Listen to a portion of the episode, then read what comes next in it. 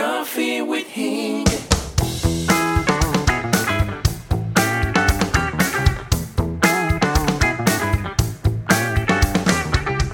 Halo, halo, salam berjumpa kembali dengan saya Hingdranata Nikolai dalam podcast Coffee with Hing. Masih dalam season membicarakan bagaimana kita semua bisa melewati situasi virus-virusan saat ini dengan pemikiran dan juga dengan sikap yang jauh lebih bermanfaat, jauh lebih menyehatkan dan jauh lebih produktif, jauh lebih bugar, jauh lebih fit ya. Terima kasih Anda telah senantiasa mendengarkan Coffee with Hing dan kalau saya menjumpai Anda saat ini sedang ngetes, sedang kerja, sedang ngopi, sedang istirahat, sedang nyetir, atau di mana pun Anda berada. Semoga saya menjumpai Anda dalam keadaan sehat, dalam keadaan uh, bugar, dalam keadaan fit, dalam keadaan produktif tentu saja. Nah, Nah, para sahabat sekalian, dalam podcast Coffee Meeting kali ini saya mau ngobrol-ngobrol sebentar mengenai orang-orang di luar sana yang kadang-kadang kita temui entah dalam percakapan, dalam sosial media, ya dalam kesempatan mana pun lah. Yang mana apa yang mereka bicarakan, apa yang mereka katakan, apa yang mereka sebar dan distribusikan seolah-olah mereka lebih mengerti bahkan dari pakar sekalipun ya. Dan kalau kita mengatakan bahwa apakah yang mereka sebarkan dan distribusikan bermanfaat atau enggak, kadang-kadang mereka sendiri tidak paham ya. Saya sudah mengatakan uh, dalam podcast-podcast saya sebelumnya bahwa kita boleh saja update ya tentu saja kita melimit informasi yang kita update melalui mata dan telinga kita, kita limit, tetapi perhatikan juga dari siapa kenapa kita update informasi tersebut. Dan kalau Anda mengatakan bahwa, hei kamu memang gak takut dalam situasi seperti ini. Oh saya punya rasa takut juga. Kita semua berada dalam situasi yang sama para sahabat sekalian ya. Ada perasaan ragu, cemas, ada perasaan juga penuh dengan tanda tanya. Besok seperti apa, lusa seperti apa, dan seterusnya ya. Tetapi saya tidak bertanya itu setiap detik, saya tidak bertanya setiap menit, dan saya pun memilih-milih tanyanya ke siapa gitu ya. Saya memilih-milih follow informasi dari siapa. Dan ini penting sekali sekali para sahabat sekalian ya. Karena kadang-kadang Anda tahu dalam situasi kayak begini semua orang jadi pakar virus ya. Kita temui banyak orang yang tidak mengerti apa pun tiba-tiba berubah jadi ahli kesehatan. Mereka jadi lebih tahu bahkan daripada ahli kesehatan itu sendiri. Anda tahu kadang-kadang Anda mendengar si A yang juga adalah pakar dari virus, pakar dalam kesehatan, tiba-tiba si B berkomentar, "Ya bukan pakar. Udah kamu nggak usah dengerin mereka lah. Saya lebih mengerti." gitu ya. Dan kita menemukan orang-orang seperti ini dalam situasi sekarang sekarang ini para sahabatku. Saya mau mengomentari mereka dan menemani Anda dengan sebuah dongeng lagi. Saya langsung aja ya, kita dengerin dongengnya dulu nih ya. Oke. Tersebutlah seorang pangeran bernama Pangeran Qi ya. Ini dongeng dari negeri Cina. Jadi pangeran bernama Qi yang di istananya itu punya banyak seniman ya. Seniman-seniman ini setiap hari berkumpul di sebuah sanggar dalam istana dan Pagi itu Pangeran Ki menyempatkan diri untuk mengunjungi seniman-senimannya. Dan dia menghampiri satu seniman secara spesifik yang sedang membuat coret-coretan di kanvasnya. Nah, Pangeran Ki bertanya kepada seniman ini, apa yang paling sulit untuk dilukis ya? Gitu. Dia pertanyaannya sangat sederhana dan sang seniman menghentikan sebentar aktivitasnya dan dia melihat ke sang pangeran dan menjawab, yang paling sulit untuk dilukis itu seperti kuda, eh, anjing, kucing, harimau, dan sejenisnya, dan semua jenis hewan. Pangeran heran gitu loh. Dia menoleh kepada sang seniman dengan pandangan yang lebih tajam. Lalu dia bertanya, apa maksudnya kamu menggambar hewan ini sulit? Bukankah menggambar hewan lebih gampang? Lalu sang seniman dengan lugas menjawab, ya, ya pangeran, uh, kucing, kuda, anjing, harimau, dan sejenisnya. Semua orang sudah tahu secara tepat bentuknya seperti apa. Semua orang tahu secara tepat akurasi gambarnya itu seperti apa. Makanya sulit untuk dilukis. Sang pangeran kemudian tambah lagi terkejut dengan jawaban ini. Nah, terus menurut kamu yang paling gampang dilukis apa? Tanya sang pangeran lebih lanjut. Just curious dia. Dan sang seniman dengan senyum dan dengan percaya diri langsung menjawab, Pangeranku yang paling gampang dilukis adalah hantu katanya. Nah sang pangeran heran, hantu? Maksudnya gimana hantu itu paling gampang dilukis? Pangeran, Tidak ada orang yang tahu bentuk hantu yang pasti itu kayak gimana, karena tidak ada satu orang pun yang tahu bentuk pasti dan bentuknya seperti apa secara nyata, makanya paling gampang untuk dilukis.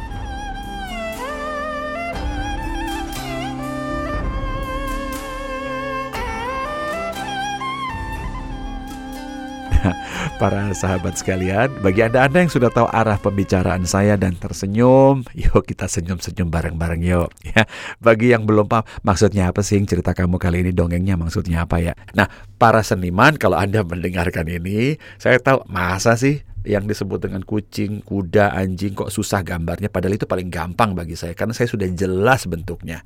Nah, bagi para pakar, bagi orang-orang yang ahli di bidangnya, tentu saja Anda mengatakan bahwa kalau menggambar kuda itu mudah bagi Anda. Karena Anda tahu cara menggambar seekor kuda, Anda tahu anatominya, Anda sudah exactly tahu what to do. Sehingga Anda pun bahkan tidak takut dikomentari oleh orang-orang yang tidak mengerti gambar misalnya. Karena begitu Anda selesai menggambar kuda, yang kelihatan juga adalah kuda. Karena itulah yang disebut dengan realitas. Kenyataannya kuda memang seperti itu. Jadi kalau Anda tadi mendengar dongeng, anda mungkin akan heran, apa maksudnya seniman tadi? Kenapa dikatakan bahwa kok kucing, kuda dan sejenisnya dan hewan-hewan itu kok malah susah digambar ya? Dan kenapa hantu malah lebih mudah digambar? Para sahabat sekalian, kita ketahui bersama yang pertama-tama, situasi virus saat ini kita tahu bersama belum ada kepastian 100% seperti apa akan terjadi, seperti apa ujungnya, antivirusnya seperti apa, ya hasil akhirnya nanti seperti apa, kapan akan berakhirnya dan sejenisnya. Tidak ada yang tahu secara pasti. Karena tidak ada yang tahu secara pasti, akan sangat juga lebih mudah untuk mengomentarinya gitu ya. Karena sekarang setiap orang bisa mengklaim dia lebih tahu dari semua orang. Toh gak ada yang tahu juga pasti akhirnya seperti apa. Wujud aslinya nanti seperti apa, bentuk pengakhirannya jadi seperti apa. Karena ketidakjelasan inilah yang membuat semua orang jadi lebih mudah mengomentari yang menurut mereka benar. Nah, kalau Anda berbicara mengenai penyakit jantung misalnya, sudah ada bentuk jelas dari penyakit jantung, sudah ada pakarnya pula. Karena itu tidak semua orang akan berani berkomentar. Karena mereka tahu akan ada pakar yang bisa menganulir semua pendapat mereka dengan data-data yang jauh lebih akurat misalnya. Nah, itu pun masih ada juga yang merasa bahwa lebih tahu bahkan dari pakar jantung.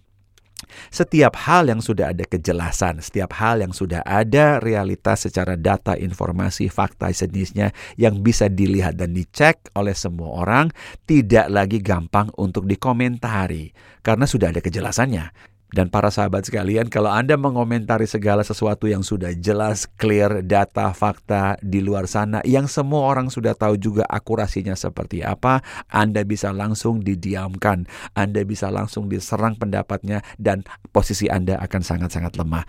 Tetapi dalam hal-hal yang belum 100% ada kejelasannya, di situlah kebebasan kita untuk melukis hantu. Jadi istilah yang saya pakai di sini adalah melukis hantu. Kalau sang seniman istana ya dengan bangga melukis di atas kanvas hantu misalnya, lalu mengklaim kepada sang pangeran bahwa ini adalah lukisan hantu terbaik di muka bumi ini. Apa komentarnya dari seniman yang lain? Siapa yang bisa berargumen dengan dia? Ya kalau bilang bahwa itu bukan hantu, dari mana kamu tahu ini bukan hantu? Dari mana kamu tahu? Kamu sudah pernah melihat hantu? Ya, kamu sudah melihat dengan jelas hantu itu kayak apa? Tolong deskripsikan ke saya. Semua orang bisa mengklaim bentuk hantu menurut versi dia masing-masing. Karena itu Anda tahu, ya mungkin Anda yang punya versi pocong, Anda yang punya versi hanya sekedar kain melayang, ada yang punya versi gambaran seperti malaikat El Maut dengan tombaknya, apa pun bisa Anda gambarkan. Atau mungkin versi Walking Dead. Ya, gitu. Mungkin Walking Dead itu bukan hantu katanya. Kenapa? Karena ada bentuk bentuk fisiknya. Hantu hanya berbentuk misalnya ruh halus. Dan ini adalah argumentasi yang tidak akan berujung para sahabat sekalian. Jadi kalau seseorang sedang berkomentar sesuatu yang Anda tahu pun ini adalah melukis hantu, percuma Anda ladeni. Karena Anda tidak Anda tidak akan bisa menang dan dia pun tidak akan bisa menang. Tetapi dia akan selalu merasa menang karena tidak ada atau belum ada kejelasan akhirnya seperti apa. Dan saat situasi seperti sekarang inilah Anda melihat banyak sekali orang yang melukis hantu. Dia akan berkomentar mengenai apa pun yang menurut dia benar, apa pun yang menurut dia orang lain salah mengenai apa pun. Karena dalam situasi seperti ini akan banyak orang yang melukis hantu. Dan kalau Anda berargumen sama mereka mereka percuma buang waktu dan buang tenaga. Kenapa? Karena Anda bisa menyampaikan data mengenai A, dia bisa menyanggah data A tersebut dengan data B, ataupun kesimpulan dia mengenai data A dan B, karena belum ada kesepakatan 100% mengenai apa pun ujung-ujungnya.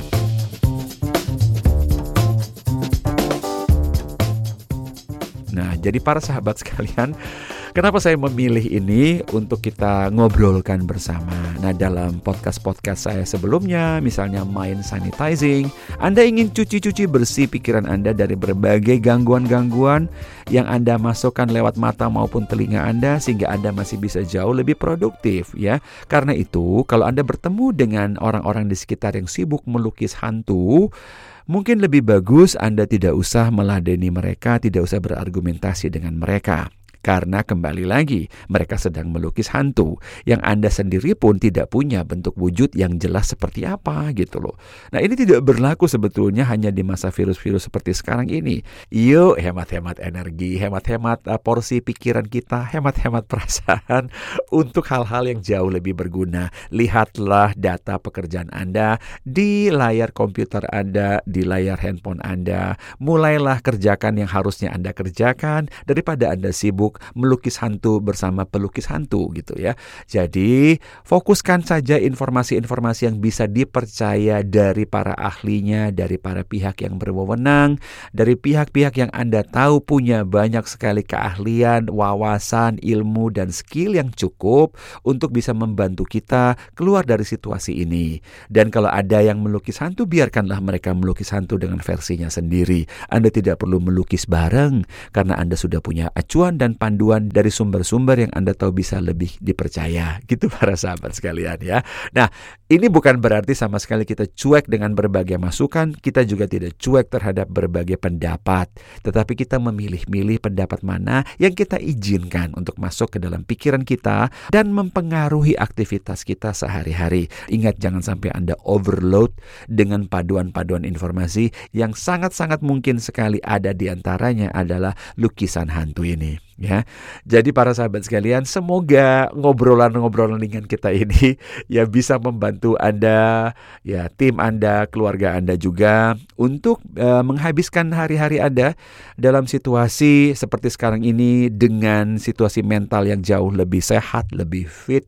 Kita doakan bersama-sama semoga situasi saat ini buat keluarga kita, buat usaha kita, buat bisnis kita, buat negara dan bangsa kita ini dan juga buat umat manusia di seluruh dunia. Semoga situasi saat ini cepat-cepat berlalu, cepat-cepat selesai.